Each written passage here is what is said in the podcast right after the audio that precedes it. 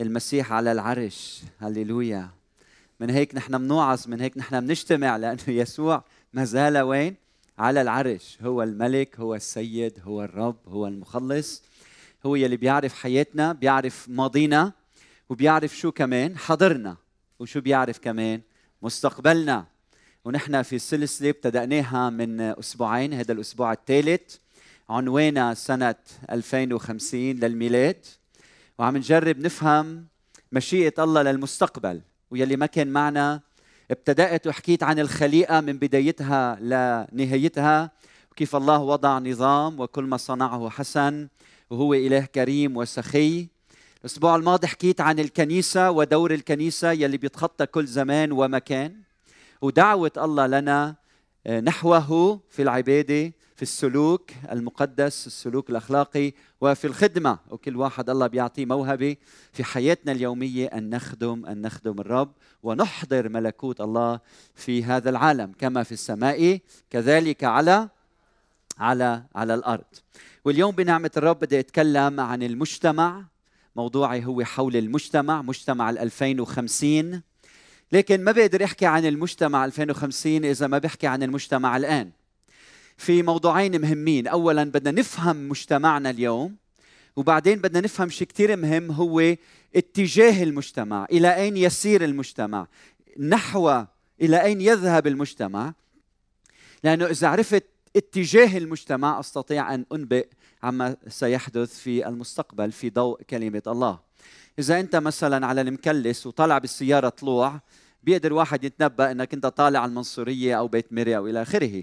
فوجهة سير المجتمع وجهة سير الزمن إذا بنفهم وبنقدر نعرف شو بده يصير معنا بال 2000 والخم... 2050 للميلاد. نحن بال 2019 فبصلي إنه الرب يعطينا هالمنطق السليم والتفكير السليم لنفهم التطورات الحادثة توجه المجتمع لحتى من خلال ما أعطانا من حكمة نقدر آه، نتأمل أو نقدر نعلن أو نخبر أو نكشف أو نصف المجتمع في 2050 للميلاد. فإذا أنت هلأ عم تسمعنا بال 2050 للميلاد هل قد كنا نعرف؟ هل قد كنا نفهم؟ عملنا بالنعمة وطول بالك علينا. في عندي ثلاث جوانب للمجتمع اليوم رح أحكي عنها وهالجوانب مهمة جدا تحدث كل يوم. وبدي إياكم تنتبهوا لهم وبعدين شو بتعلم كلمة الرب وكيف الكنيسة ممكن يكون لها تأثير في النواحي الثلاثة في المجتمع الذي نعيش فيه. فاولا بدي أحكي عن تقنيات التواصل والمعلومات، تقنيات التواصل والمعلومات بالإنجليزي information and communication technologies. وأنا كنت عم بفكر قديش اليوم المعلومات عم تتطور وعم تنتشر في كل مكان خطر على بالي آية من الكتاب المقدس من إنجيل متى الفصل العاشر لما الرب يسوع المسيح قال الذي أقوله لكم في الظلمة قولوه وين؟ في النور. والذي تسمعونه في الأذن نادوا نادوا به على على السطوح. يعني ركب دش وخلي كل العالم يعرفوا بشو أنت بتآمن بشو أنت بتعرف شو أنت شو إيمانك شو حياتك شو اختباراتك. فاليوم نحن نعيش ثورة من العالم من من التواصل. نحن عم نعيش ثورة في هذا العالم له علاقة بالتواصل التواصل. فالتكنولوجيا تسهل عملية نقل المعلومات بشكل رهيب اليوم. فتوزيع المعلومات صار سريعا جدا جدا والواقع هو إنه في المستقبل سيصبح بعد أكثر وأسرع بكثير جدا جدا جدا. فإذا اليوم أنت عم تحصل على معلومات محددة بعد بالمستقبل نحن في اتجاه إنه هالمعلومات رح تزيد أكثر فأكثر. فكل شيء يمكن توزيعه يمكن توصيله يمكن المشاركة فيه سيتم توزيعه وتوصيله في هذا العالم. أفلام فيديوهات أفكار مشاعر أحاسيس ربما أمور بتشمها أمور بتحسها. كل شيء ممكن إنك توزعه رح تقدر توزعه وتوصله للعالم من حولنا. هيدي كاسات شريط كاسات حدا بيتذكر شو هي؟ حدا شايف مثلها؟ إذا شايف مثلها فرجينا ارفع إيدك.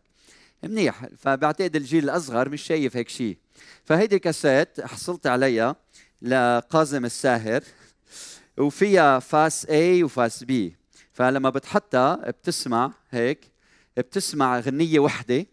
وبعدين لما بتخلص الكاسيت بتشيلها وبتقلبها هيك وبتحطها وبتسمع اغنيه ثانية مش هيك؟ فبالماضي كان هيدي كاسيت كان هيدا اختراع. فإذا أنت بدك تسمع لهالمغني مثلا بتروح على السوق بتشتري هالكاسيت بعدين بتجيبها على البيت وعندك هيدي الآلة بتحطها وبعدين بتسمع أنت ومين؟ أنت لوحدك أو أنت وأهل البيت صح؟ سبعة ثمانية عشرة موجودين في البيت بيقدروا يسمعوا أغنية لفلان الفلاني أو ترنيمة أو لحن أو أو أو أو أو. اليوم العلم تطور واليوم شايفين إنه هالمعلومات نفسها بدل ما انت تروح تجيبها من السوق لوين عم تجي؟ لعندك على البيت. وأكثر من هيك بدل ما تشتري شريط كاسيت صارت موجودة كلها أونلاين. فبتدخل على اليوتيوب مثلا وبتقدر تسمع لها اي أغنية بدك إياها. واليوم مثلا كنت عم بتطلع من يومين إنه آه، غنية ال Shape of You سمعها أكثر من أربعة مليار شخص 4.2 بليون بيبل 4.2 مليار شخص يعني أكثر من نص العالم في هذا الكون كله سمعوا غنية وحدة. يعني المعلومات هالقد صارت متاحة إنه أنت ومن بيتك صار فيك تحصل عليها وغنية وحدة واحد بيسجلها بمكان معين. مليارات الناس بيسمعوها هالقد في ثورة في عالم التواصل. وبالمستقبل هيدا بده يصير أكثر فأكثر. بتذكر أنا من 12 سنة رحت على كنت بصحراء سينا ومشيت حوالي بالسيارة شي ساعتين وصلت على أحد أهم الأديرة وكنت عم بدرس مخطوطات لأطرحة الدكتوراه تبعي.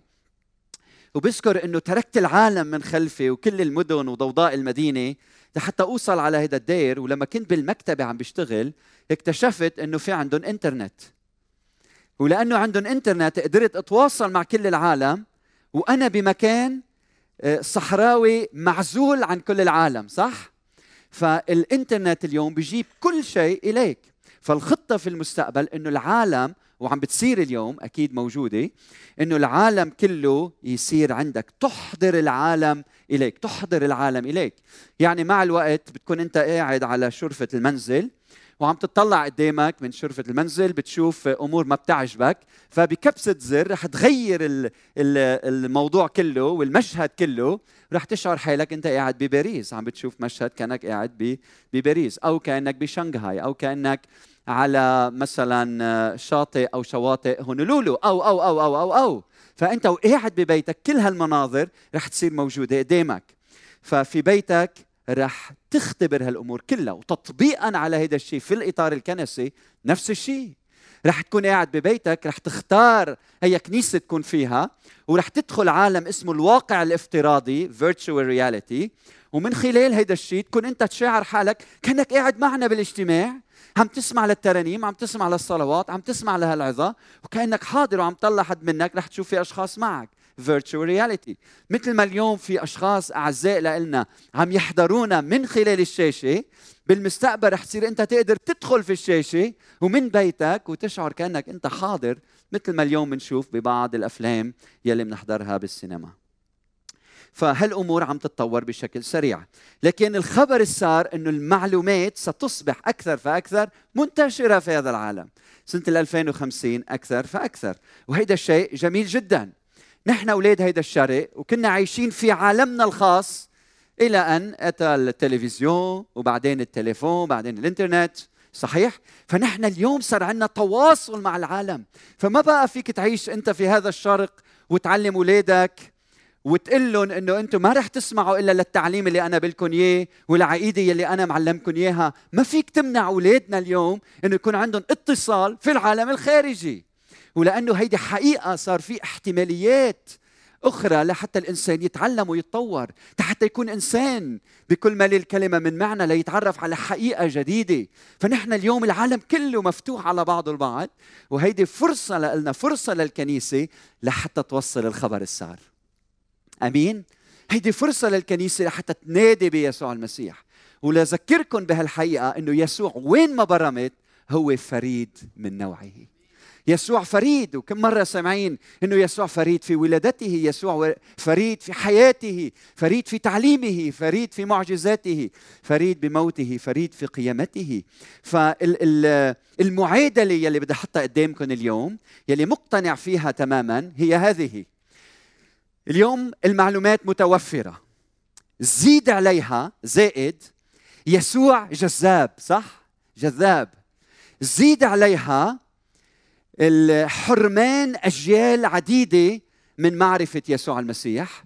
فإذا بتحط المعلومات المتاحة زائد يسوع الجذاب زائد حرمان أجيال من أنه يتعرفوا على يسوع المسيح النتيجة يعادل نهضة في هذا الشرق. لأنه لما بيكون في أجيال عطشانة لتعرف الحقيقة أنه هذا الإله يحب الإنسان وأنه علمنا نحب أعدائنا ونصلي من أجل الذين يلعنوننا لما تكون محروم من هذه الحقيقة لما المعلومات تصير متاحة وتتعرف على يسوع يسوع جذاب يجذبك ويجذب كل إنسان إليه فما فيك إلا ما تعطي حياتك ليسوع وما فيك إلا ما تتحول وتتبع الرب يسوع المسيح. فنحن اليوم عم نعيش مسار جديد منحى جديد عم نشوفه هو منحى اتباع يسوع المسيح. فنحن بالمستقبل بال 2050 أعداد الأشخاص يلي بده يتبعوا يسوع أعداد كبيرة. لأنه يسوع هذا الشخص المخلص المحب سيجذب المئات والألاف. فالمعلومات يلي موجودة بين إيدينا هي معلومات كثيرة. النقطة الثانية المرتبطة بهالموضوع إنه المعلومات يلي أنت بتقريها هي نفسها بتقريك. يعني الآلة يلي بتستخدمها اليوم انتبه معي لحتى تحصل على المعلومات هي نفسها الآلة يلي عم تقريك. عم تقرا كيف عم بتفكر عم تقرا إيه، شو المواضيع اللي عم بتروح عليها شو المواقع يلي عم تبحث فيها. اليوم إذا بتروح على أمازون بدك تشتري كتاب أمازون بيقترح عليك بعض الكتب تشتريها. من وين بيعرف؟ بيعرف من الكتب يلي اشتريتها بالماضي من الأبحاث يلي بحثت عنها وبيقدر يوجهك ويقول لك إنه أنت وعم تقرأ أنا كنت عم بقريك وعم بعرف إنه أنت ممكن تحب هودا النوع من الكتب فبيقترح عليك نوع من الكتب. بتعرفوا Kindle Kindle هو هيدي الآلة يلي فيها كتب إلكترونية. بتعرفوا شو يعني Kindle فهيدي الآلة الإلكترونية اليوم يلي أنت بتقرأ فيها كتب التطور في المستقبل يلي عم يحدث إنه هيدي الآلة أنت وعم تقرأ الكتاب الكتاب يقرأك. يقرأك يعني هيدي الآلة عم تعرف إنه أنت وعم تقرأ وصلت على صفحة رقم سبعة أخذت معك خمس ثواني لما قريتها. أما صفحة ثمانيه أخذت معك دقيقتين. صفحة تسعة أخذت معك وقت طويل. صفحة عشرة بطلت عم تقرأ وقفت القراءة. إيه، هالآلة رح تعرف أنك أنت سطرت هيدي الكلمة المهمة؟ وأما هالمقطع خطيته وما قريته وقلبت الصفحة بسرعة. وهي وعم تقريك وعم تفهم يلي عم بيصير مع المستقبل. رح يكون فيها كاميرا ربما وتقرأ ملامح وجهك. وتعرف أنت أنت بتبتسم على أي كلمة وعلى أي كلمة أنت بتعصب أو بتغضب أو بتفرح وهي وعم تقر أنت وعم تقريها هي عم تقريك لحتى تصير تعرف كيف عم بتحس ولحتى يجي وقت وتصير تقول لك أنا رح أقترح عليك هيدا الكتاب إذا قريته رح تستمتع فيه لأنه أنت اختباري معك بيقول إنك أنت هاي الاشياء بتحبها وهي الاشياء ما بتحبها. لأنه رح تعرف أي كتب رح تقريها كلها وأي كتب رح تقرأ منها جزء معين. اليوم في كتير حكي عن الالجوريثم الالجوريثم هي كلمة عربية أصلا. ورح لكم شو بتعني اليوم. بتعني نظام العد نظام العد والمعلومات الحسابية والتفكير الآلي بهدف الوصول إلى معرفة أعمق في أمور معينة. فهيدي الارقام الحسابات يلي عم بتصير اليوم من خلال هالبرامج الموجودة وتطورها عم بتصير إلى السلطه على حياة الإنسان. وهيدا الشيء عم نشوفه اليوم وعم يكتر المعلومات الحسابية عم بيصير لها تأثير على حياة الناس. يعني بالماضي كان أو هلأ نحن عايشين بفترة يلي فيها المشاعر الإنسان هي بتقود حياته. نحن اليوم كمؤمنين بنقول كلمة الله بتقود حياتنا. كلمة الرب هي يلي بتعلمنا هي يلي بتوجهنا هي يلي بتقلنا الصح أو الخطأ. لكن في بعض الأشخاص بالعالم بيقول لك لا الإحساس المشاعر. أنا اليوم حاسس إني بدي أروح على الشغل بروح على الشغل. أنا اليوم شاعر إني ما بدي أروح على العمل ما بروح على شغلي. أنا اليوم حاسس هيك مش حاسس هيك. أنا اليوم حاسس إني بدي أكون بهالعلاقة واليوم مش حاسس إني بدي أكون بهالعلاقة. أو أنا اليوم حاسس إني بطلت بطل عندي مشاعر تجاه فلان فأنا بدي طلقه بدي أتركه. فالإنسان عم ينقاد أكثر فأكثر بمشاعره وصاروا مشاعره إلهه. شو المشاعر بتقلي بعمل اليوم؟ اليوم حيس حالي محبط خلص ما بدي أحكي مع حدا مشاعري عم بيقودوا حياتي. وهيدا الشيء خطأ كبير. لكن يلي عم نشوفه في المستقبل إنه صارت المعلومات الحسابية هي يلي عم بتقود حياتنا. بالإنجليزي بنحكي عن ثلاث كلمات. deism deism يعني الربوبية أو الألوهة يلي الله هو مرجع حياتك. في humanism يلي مشاعري هن إلهي هن يلي بيقودوا حياتي تفكيري هو يلي بيقود حياتي. واليوم عم نحكي عن آه، عبارة جديدة هي dataism dataism يعني الحركة المعلوماتية. المعلومات هن يلي بيقودوا حياتي. رح أعطيكم مثل. بالمستقبل القريب إذا أنت بدك تتزوج شوف شو رح يصير معك. آه اليوم لما أو بالماضي إذا واحد بده يتزوج شو بيعمل؟ واحد بيسأل أهله بيروح بيصلي بيقرأ كلمة الرب. بيروح عند راعي الكنيسة أو بعض المؤمنين بيقول لهم أنا بدي أتزوج هذا الشخص صلوا معي لحتى أعرف إرادة الرب لحياتي. شو رأيكم؟ هل هيدا هو الشخص المناسب؟ البعض الآخر يلي ما عندهم إيمان بالهنا آه، بيأمنوا بذاتهم بيأمنوا بمشاعرهم فلما يدخلوا بعلاقة بيقولوا أنا حاسس شعور جيد. إن كان هالعلاقة آه، مثلية غير مثلية مش مهم. أنا شاعر بشعور جيد. بدي أدخل بهالعلاقة. مش مهم إذا صح ولا غلط. مش مهم إذا الآخر هو مناسب لإلي ولا مش مناسب. أنا هلأ شاعر بشعور جيد وبدي أدخل بهيدي العلاقة. المشاعر عم بتقود حياتي.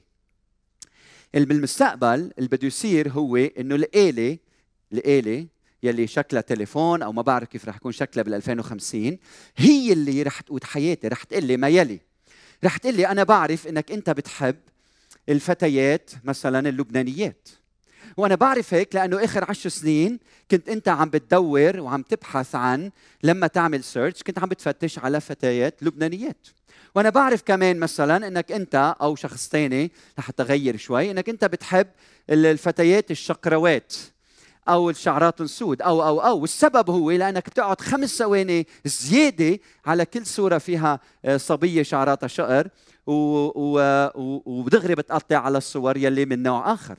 أو أنت شخص مثلا أنا كنت عم راقب اتصالاتك التليفونية كل الوقت هيدي الآلة بتقول لك وأنا بعرف من عشر سنين لهلأ إنه كل ما تحكي معك آه، امرأة بلهجة مثلا عالية وغاضبة أنت بتنزعج ونبضات قلبك بيزيدوا وبيصير في شيء بمخيخة راسك وبتتأثر بطريقة. أما لما حدا يحكي معك بلطف وهيك نعومة أنت بيتحرك قلبك بطريقة مختلفة.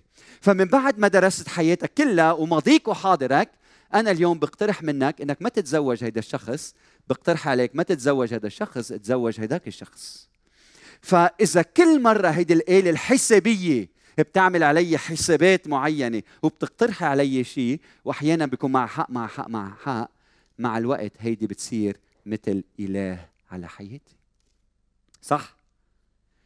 كأنه بيصير عندها سلطة على حياتي. وهيدا أمر مهم إنه ننتبه له. فكيف بنتعامل مع هيدي الحقيقة؟ كيف بنتعامل مع الحقيقة إنه ال algorithm صار بيقدر يصنف ويوجه ال organism الكائن الحي؟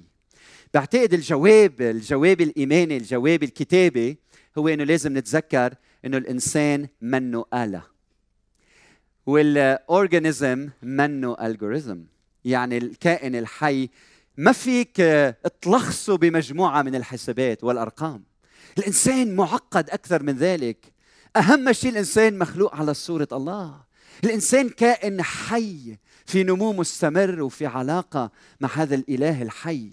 فهو في تطور مستمر. هو فيه روح الله نفس الله. الله نفخ فيه كائن حي. فعم نكتشف مع الوقت بالعلم إنه الإنسان معقد أكثر من ذلك بكثير جدا. لكن هيدي المعلومات يلي عم بتصير متاحة لنا انتبهوا نحن ككنيسه بدنا نستفيد منها وبدنا نستخدمها.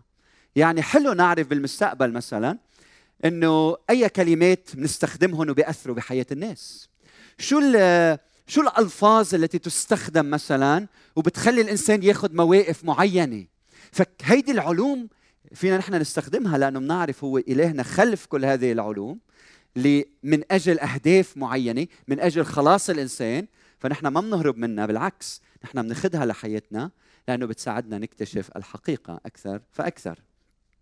قديش حلو مثلا إذا راعي الكنيسة قبل ما يجي على الكنيسة بيجي رسالة من هالآلة يلي بتقول له أنا درست آه، وضع كل رعيتك هذا الأسبوع واكتشفت أنه في خمسين شخص جاي على الكنيسة محبط اليوم وفي ثلاث أشخاص دخلوا بعلاقات غير مقدسة أو في عشرة مثلا آه، طلعوا مصاري أكثر من غير أسابيع أو في ثلاثة منهم عندهم مرض معين فصار بيقدر الواعظ يقدم رسالة فعالة أكثر ربما لشعبه. شو رأيكم؟ فهيدي المعلومات ربما مفيدة أو معلومات من نوع ثاني معلومات عن الراعي.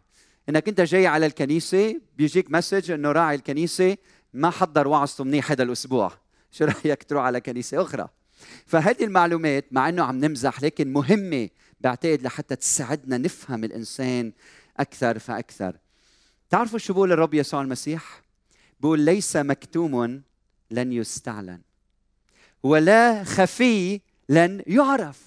يعني ربنا شايف إنه جاي وقت يلي فيها المعلومات كلها رح رح تكون متاحة بين البشر إنه ما في خفي لن يستعلن. وكل ما هالمعلومات تقدم لنا حقائق جديدة رح تقدم لنا حقائق كتابية أكثر فأكثر. لأنه كلمة الله صادقة وبتتخطى كل الأزمنة. وهالمعلومات رح تقلنا إنه الإنسان خاطئ ورح تقلنا إنه الإنسان يحتاج لمن ينقذه من الخطية. وهالمعلومات رح تقلنا قديش يسوع المسيح ممكن يأثر في حياة الناس. وكل ما ننزع عنا هالوجه الزائف من خلال هالمعلومات يلي رح تفضحنا وتكشفنا رح نشعر بحاجة أكثر إلى مخلص يفدينا ويخلصنا ويحررنا ويعطينا حياة جديدة. أمين؟ فهيدي المعلومات ما بتخوف بالعكس هي بركة لحياة الإنسان.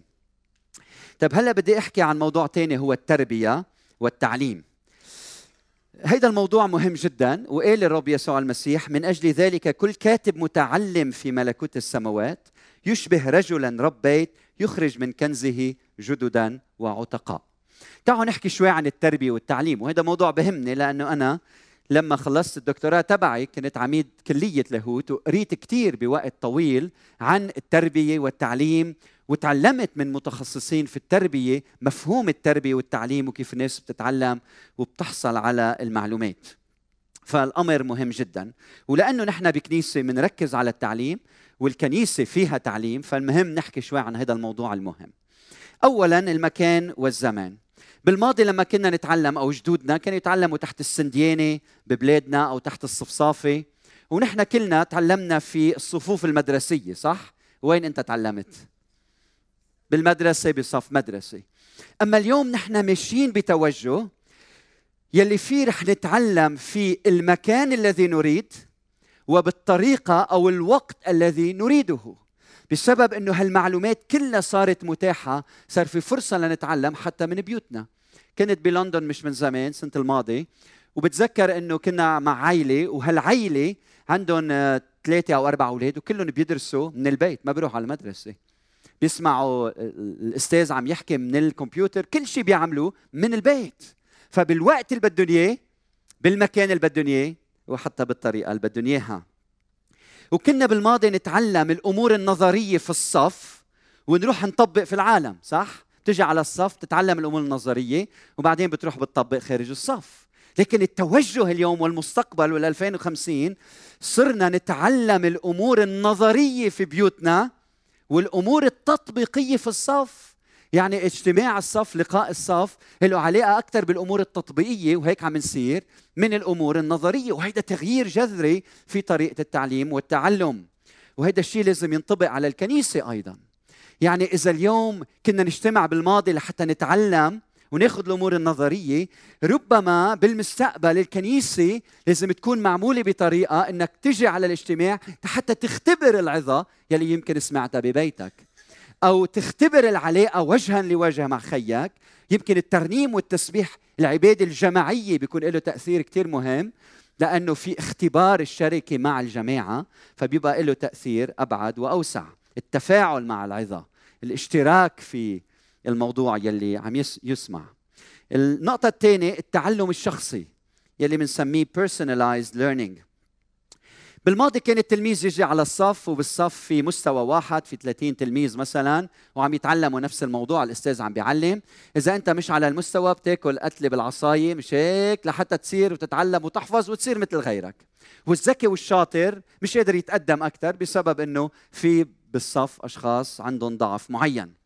لكن في المستقبل التلميذ سيكون له الأدوات الخاصة بحسب مستواه لحتى يتعلم المنهج اللي عم يتعلمه بالطريقة يلي بتجذبه. البعض بحب أشياء مرئية البعض بأشياء مسموعة البعض الأشياء يعملها بإيده البعض بحب من خلال الرواية البعض بحب بطريقة معينة. فكل واحد رح يصير يتعلم بالطريقة يلي بيشعر هي الأفضل له. والذكي بيقدر ياخذ أمور بتعمق أكثر. من غيره يلي بحب هالمجال. كلنا أذكياء بس كل واحد بمجال معين. نفس الشيء بالكنيسة. هل نحن في المستقبل رح يصير عندنا واعظ عم يوعظ؟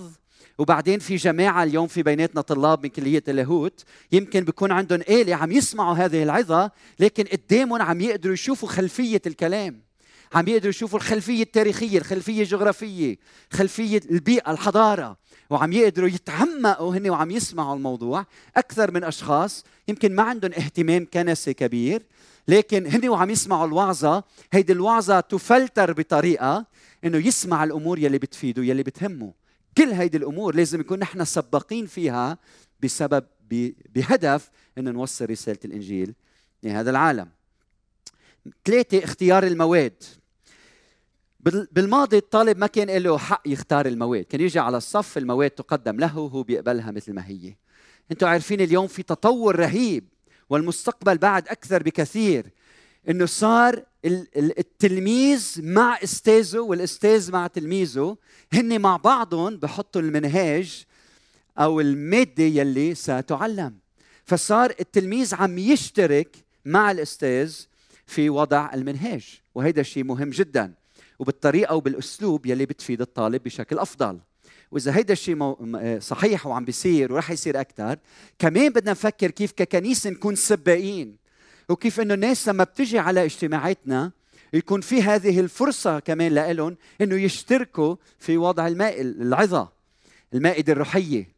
بمعنى إنه ربما مثلا رح يصير بال 2050 إنك أنت تدخل على هالقاعة وفي وقاعد بنفس المكان لكن كل واحد عم يسمع العظة الكترونيا بالطريقة يلي أو بالموضوع يلي بيجذبه. إذا أنت جاي لهون وعم بتفتش على شخص بدك تتزوجه يمكن تسمع عظة لها علاقة بالزواج يمكن أنت شخص مريض وبدك آه، تتعلم عن صلاح الله ومحبة الله وعناية الله واعتناء الله بك بتسمع وعظ عن هذه الموضوع. وبعدين الموجودين إذا في أربع خمس احتمالات بيتجمعوا مجموعات وبيكون عندهم فرصة للمشاركة.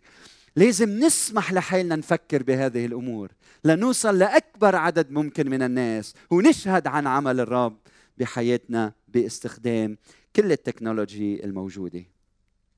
بعدين في مسألة الامتحانات. بتعرفوا الامتحانات رح تتغير بالمستقبل. اليوم الامتحانات أو بعدهم لهلأ بشرقنا بعرف بالغرب عم تتغير الأمور. حفظ المعلومات حفظ كمية من المعلومات. أنا ابني عم يعمل بروفي ومطلوب منه يحفظ يحفظ يحفظ بيروح بيسمعهم بيعمل فيهم امتحان تاني نهار بينسيهم كلهم. ليه؟ لأنه عم يحفظهم للامتحان. هيك عادة بيصير. ونحن يلي درسنا بالغرب وأنتم نعرف قديش النقد العلمي مهم وقديش تحليل المعلومات مش بس استيعابها كما هي. هيدا أمر مهم ونشجع عليه. لكن في المستقبل الامتحانات ستكون مرتبطة بشكل خاص مش ب آه، مدى أو آه، قديش عندك معلومات إنما في طريقة تطبيق هذه المعلومات في الحياة اليومية. يعني المعرفة ستكون متاحة للجميع وموجودة بجيبتك كل الوقت فمش مهم قديش بتعرف. الامتحان مش قديش بتعرف الامتحان قديش عندك قدرة إنك تطبق هذه المعلومات في سياق محدد في إطار معين. إذا أنت طبيب مش المعرفة إنما كيف تعالج مريض عمليا أو محامي أو راعي أو خادم وشو ما كنت أو طالب لاهوت أو أو أو أو أو, أو. صاحب مؤسسة كيف هالمعلومات اللي بتدرسها؟ إنك تعرف كيف تطبقها بحياتك. الامتحان رح يكون أكثر مرتبط بكيفيه تطبيق المعلومات في الحياة اليومية. وأنا كمان بتذكر الرب يسوع يلي قال كل من يسمع أقوالي هذه أقوالي ويعمل بها يشبه إنسان عاقل أشبهه بإنسان عاقل. فالمسيح بيعرف إنه العاقل مش يلي عنده كم من المعلومات هو يلي عنده المعلومات وبيعرف يعيشها بحياته. آمين؟ بعدين أهمية الإرشاد أنا بعدني ضمن التربية والتعليم. كل ما استقل الطالب أخوتي كل ما بيحتاج لمرشدين. من هيك المستقبل الكنيسة لازم نفكر دايما بهالمجموعات البيتية. ويكون في دايما مرشد مرشد مرشد. لأنه اليوم أنت رح تاخذ كم هائل من المعلومات متوفرة في كل مكان. لكن تحتاج إلى ذلك المرشد يلي بيعرف وبيعيش الحقيقة ويلي بيقدر يقودك نحو معرفة الحق. ولما تنسى بدي أذكرك أنه نحن كلنا في عنا من يقف إلى جانبنا ويسكن فينا هو الروح القدس. يلي بقول عنه الكتاب المقدس الذي يرشدنا إلى جميع الحق. فأنا ما بخاف من إنك تعرف كل شيء بدك تعرفه لأنه بعرف إنه الروح ساكن فيك إنه يوجهك يقول لك هيدي الحقيقة هي مش حقيقة. ما في خوف على مؤمنين على تلاميذ الرب الصادقين الأمناء لأن الروح اللي فيهم يرشدهم إلى جميع الحق. بعدين رقم ستة أذهان أولادنا. لازم تعرف ك... لازم تعرفي كأم لازم تعرف يا بي. لازم تعرفي يا كنيسة لازم تعرف أي... أيها المجتمع إنه أذهان أولادنا اليوم مبرمجة حول الألعاب الإلكترونية. يوم الصبح كان في حدا موجود معنا وست جايبه ابنها معها ابنها على التليفون شو عم يعمل؟ عم يلعب. اليوم الكبار الصغار كل العالم شو بيعملوا؟ عندهم ألعاب إلكترونية بيلعبوا فيها خاصة أولادنا. فذهن الولد مبرمج حول الألعاب الإلكترونية. فالتعلم يحدث من خلال اللعب. هذا العالم اللي عم نعيش فيه اليوم هيدي حقيقة عم نعيشها اليوم. فعلى المدارس اليوم إنها تتأقلم مع هيدي الحياة الجديدة وتدخل في منهاج التعليم يلي هو ممل بلبنان اقله أو بشرقنا. آه، تدخل هالبعد. أنا بعرف إنه في بعض المدارس عم بيقوموا بعمل جبار وبهنيهم. لكن لازم المدارس كلها الرسمية وغيرها إنها تفكر بطريقة جديدة تتأقلم مع الواقع الجديد وتقدم تعليم يلي من خلال البرامج المسلية الولد يقدر يتعلم. وهيدا الشيء بعتقد مهم لكنيستنا أيضا. تغيير الأسلوب وليس المحتوى. بدي خبرك خبرية إذا ما بتتغير في تقديم أسلوب المادة تبعك تموت. فإما تتغير أو تموت. هيدي الحقيقة هيدا التاريخ هيدا العالم. شوف كل المدارس شوف كل الكنائس شوف كل المؤسسات. إذا ما تغير ليتأقلم مع الأجيال الجديدة يموت. فيا بتموت يا بتتغير. فبشجعك تتغير. وإذا اليوم منزعج من اللي عم اقوله عم بحكي عن الأسلوب ما عم بحكي عن الجوهر. الجوهر يبقى كما هو المحتوى يبقى كما هو. لكن الطريقة الأسلوب يتغير يتأقلم مع الجيل الجديد يلي عم نعيش معه. فنحن بدنا نفكر بطريقة جديدة لنوصل الكتاب المقدس ليصبح في متناول الجميع. برامج تعليمية جذابة نحتاج في اللغة العربية خاصة. إلى الكثير لنساعد القارئ بتفسير قوي ومتين وفيديوهات ترافق ما يقرأ تطبيقات عملية مناهج تعليمية. وربنا يدعيك ويدعي كل واحد منكم إنه يكون شريك بهذا العمل المبارك. هل لازم نفكر ككنيسة؟ بألعاب إلكترونية جذابة تعلم قيم مسيحية. يمكن أنت مستغرب لكن هيدا حاجة. إذا اليوم أولادنا عم يتعلموا بأغلب الأحيان من خلال الألعاب الإلكترونية وهيدا ال... وهيدا الشيء اللي بيقوموا فيه باستمرار ليش أنا ما بخترع لعبة إلكترونية بتعلم أهمية العطاء وأهمية المحبة وقيمة الغفران وصلاح الله وتعليم يسوع ودرب اتباع يسوع. ما بيتحول لعبة إلكترونية فيها مغامرة وانجذاب بيدخل فيها الولد بيطلع منها يتعلم قيم جديدة. بدل ما يقضي وقته بأشياء بلا طعمة يقوم بشيء آه، يفيده. فلقادة أولادنا بدنا برامج لأولادنا. فيها مغامرات فيها منافسة فيها مخاطر ولكن فيها أمان وقيم وقيم كتابية صحيحة. نحن في عنا خدمة سياحة بكنيستنا اسمها فوت ستابس فحكيت مع المسؤول من الأسبوع الماضي وقلت له بدنا تعملنا شي برنامج. هذا البرنامج لأولادنا بيروحوا يومين إلى مكان منعزل عن العالم. أو يتسلقوا جبال ينزلوا وديان. في مغامرات في صعوبة في تحديات في منافسة في تعب في جوع في عطش. ومن خلال هالأمور كلها يختبروا قيم آه، قيم لأتباع يسوع المسيح. قيم علمها يسوع المسيح بحياتهم. يلي بتشجع وبتحمس هالولاد يقوموا بهذه الأمور. لما نتأمل بحياة الرب يسوع المسيح أعظم معلم بنشوف إنه قام بهذه الأمور بشكل مستمر. كيف كان يعلم يجيب ولد ويحطه في الوسط؟ كيف خبر قصة ابن الضال؟ وما فيك تقرأ هذه القصة إلا ما تشوف حالك في هذه القصة. كيف مش بس خبرك قصة أدخلك في هذه القصة. وهودي اللعب كلهم بيدخلوك في عالم جديد. كيف أنت تدخل في هذا العالم. قصة السامر الصالح لما بتسمعها ما فيك وما تشوف حالك في هذه القصة. إما الكاهن إما الملاوي إما إما على الطريق إما اللي عم بيساعد إما السامري إما إما إما صح؟ فبتشعر حالك شريك في هذه القصة. أي يجوز أن نعطي الجزية لقيصر؟ يسوع ما قال لهم نعم ولا. شو قال لهم؟ فرجوني دينار أعطوني الجزية. لمن الصورة؟ لمن الكتابة؟ إيه؟ أعطوا ما لقيصر لقيصر وما لله لله. إيه مطلوب منه يدفع الجباية. مين بيدفع الجباية؟ الغرباء ولا الأبناء؟ بعدين لحتى ما نعثرهم قال له لبطرس شو؟ روح تصيد سمكة افتح تمها شيل منها استار اعطيه عني وعنك. فكان يسوع يستعمل كل هالوسائل حتى يوصل الحقيقة للعالم. طيب بوصل هلا للنقطة الثالثة والأخيرة. فيما يختص بالتكنولوجيا بشكل عام بشكل عام. وأنا هذا الموضوع كثير بهمني وصار لي عشر سنين بحضر باستمرار شيء اسمه تيد توكس إذا بتعرفوا شو هو هذا الشيء هي أفكار هو منبر إذا بدكم أو منصة إلكترونية هدفها توصل كل الأفكار الجديدة والأمور والاختراعات الحديثه اللي عم بتصير في هذا العالم.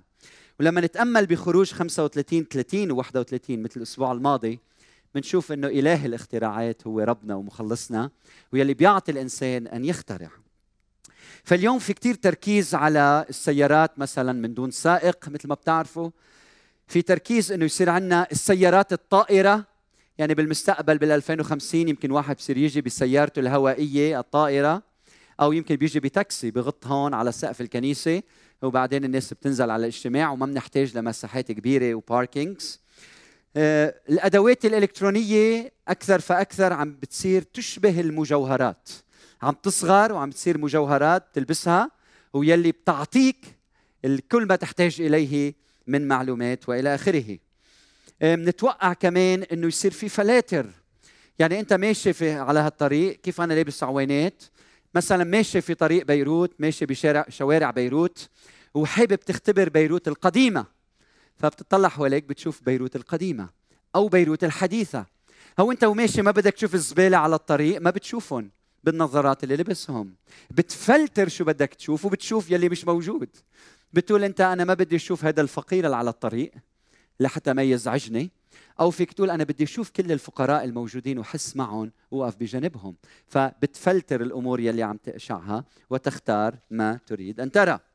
بعدين في تطور سريع في العالم يلي بنسميه روبوتكس الإنسان الآلي بالعربي مع إنه هو مش دائما إنسان هو آلة بتشبه أحيانا الإنسان واحيانا لا.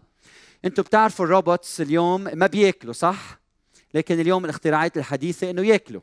فمؤخرا صنعوا روبو بياكل وبياكل خاصة بياكل التلوث. ومن خلال أكله لهذه الجراثيم التلوث بتعطيه طاقة لكي يستمر. فبيأكل بيستمر على الحياة وبيصير يأكل ويستمر وبيأكل الجراثيم الموجودة. في البعض منا بتأكل أنواع معينة من الأعشاب يلي ما بتحبها البعض منا بتأكل زيوت في المياه. فكل واحد عم يخترع بطريقة معينة هالروبوتس لحتى يسدوا حاجات معينة بالكوارث الطبيعية لأنقاذ الناس وغيرها. فبدي احضركم هلأ آه، فيلم صغير مدته دقيقتين عن روبو حديث. At Boston Dynamics, we're trying to do two things. We're trying to do the long-term R&D that's going to make the robots of our dreams. And Atlas is like a, a Formula One uh, race car robot in that it's very expensive. We have a team working hard on it. It does difficult tasks. Uh, it's not something that's going to be a product tomorrow, and that's part of our activity. Here, uh, Atlas is using two arms, its torso, and its legs, doing whole body manipulation, just the way you and I do. You know, factory robots have an arm that's kind of stuck where the shoulder can't move, and uh, that really limits them. A robot like this can work much more freely in the world, uh, a little bit more like a person. Here we were testing how the robot could perform compared in speed to a human. Uh, actually, we're just feeding the boxes as quick as it can take them. It's using a vision system to see the boxes and pick them up.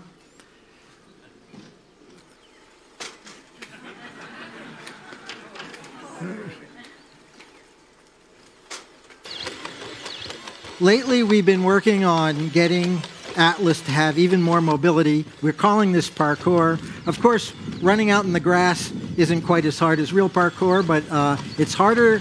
It's harder than it looks. And here, back in the lab, we've started doing some stunts. Those are 40. Those are 40 centimeter steps. I can't quite uh, run up that high a step uh, and probably half of you can't either. So this is at least one little slice of building a robot that's uh, uh, equal to or better than a human. And here's uh, another activity where the robot is uh, uh, jumping and maneuvering. That's about a 70 centimeter step, which is very hard to jump up on.